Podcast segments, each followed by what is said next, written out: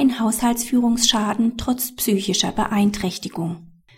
Ein ersatzfähiger Haushaltsführungsschaden ist nicht begründet, wenn alle in einem überschaubaren Haushalt anfallenden Arbeiten erledigt werden können und hierfür lediglich mehr Zeit benötigt wird.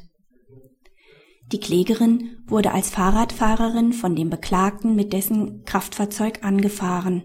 Durch den Unfall erlitt sie körperliche Beeinträchtigungen in Form von Prellungen, die nach vier Wochen restlos abgeklungen waren.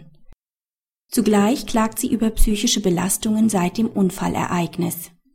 Bei der Ermittlung des Haushaltsführungsschadens wurde durch das Oberlandesgericht differenziert.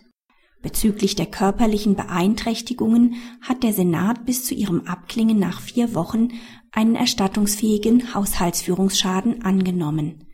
Im Hinblick auf die weiteren unfallbedingten psychischen Beeinträchtigungen von fünf Monaten hat das Oberlandesgericht einen Haushaltsführungsschaden abgelehnt. Die Klägerin könne weiterhin alle Arbeiten ausführen. Die Verlängerung der Arbeitszeit für diese Arbeiten begründe keinen ersatzfähigen Schaden. Die Klägerin hatte auch nicht dargelegt, dass sie aufgrund der Verlängerung der Haushaltsarbeiten andere vorrangige Tätigkeiten nicht hatte ausführen können.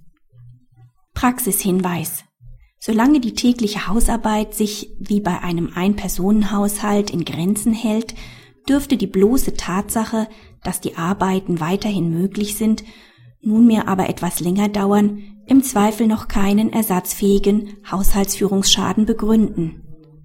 Anders ist es, wenn aus dieser geistigen Beeinträchtigung wiederum eine körperliche Beeinträchtigung resultiert. Wenn die Hausarbeiten wie bisher ausgeführt werden können, liegt nur eine Beeinträchtigung der Arbeitsfähigkeit vor. Diese begründet für sich aber keinen Schaden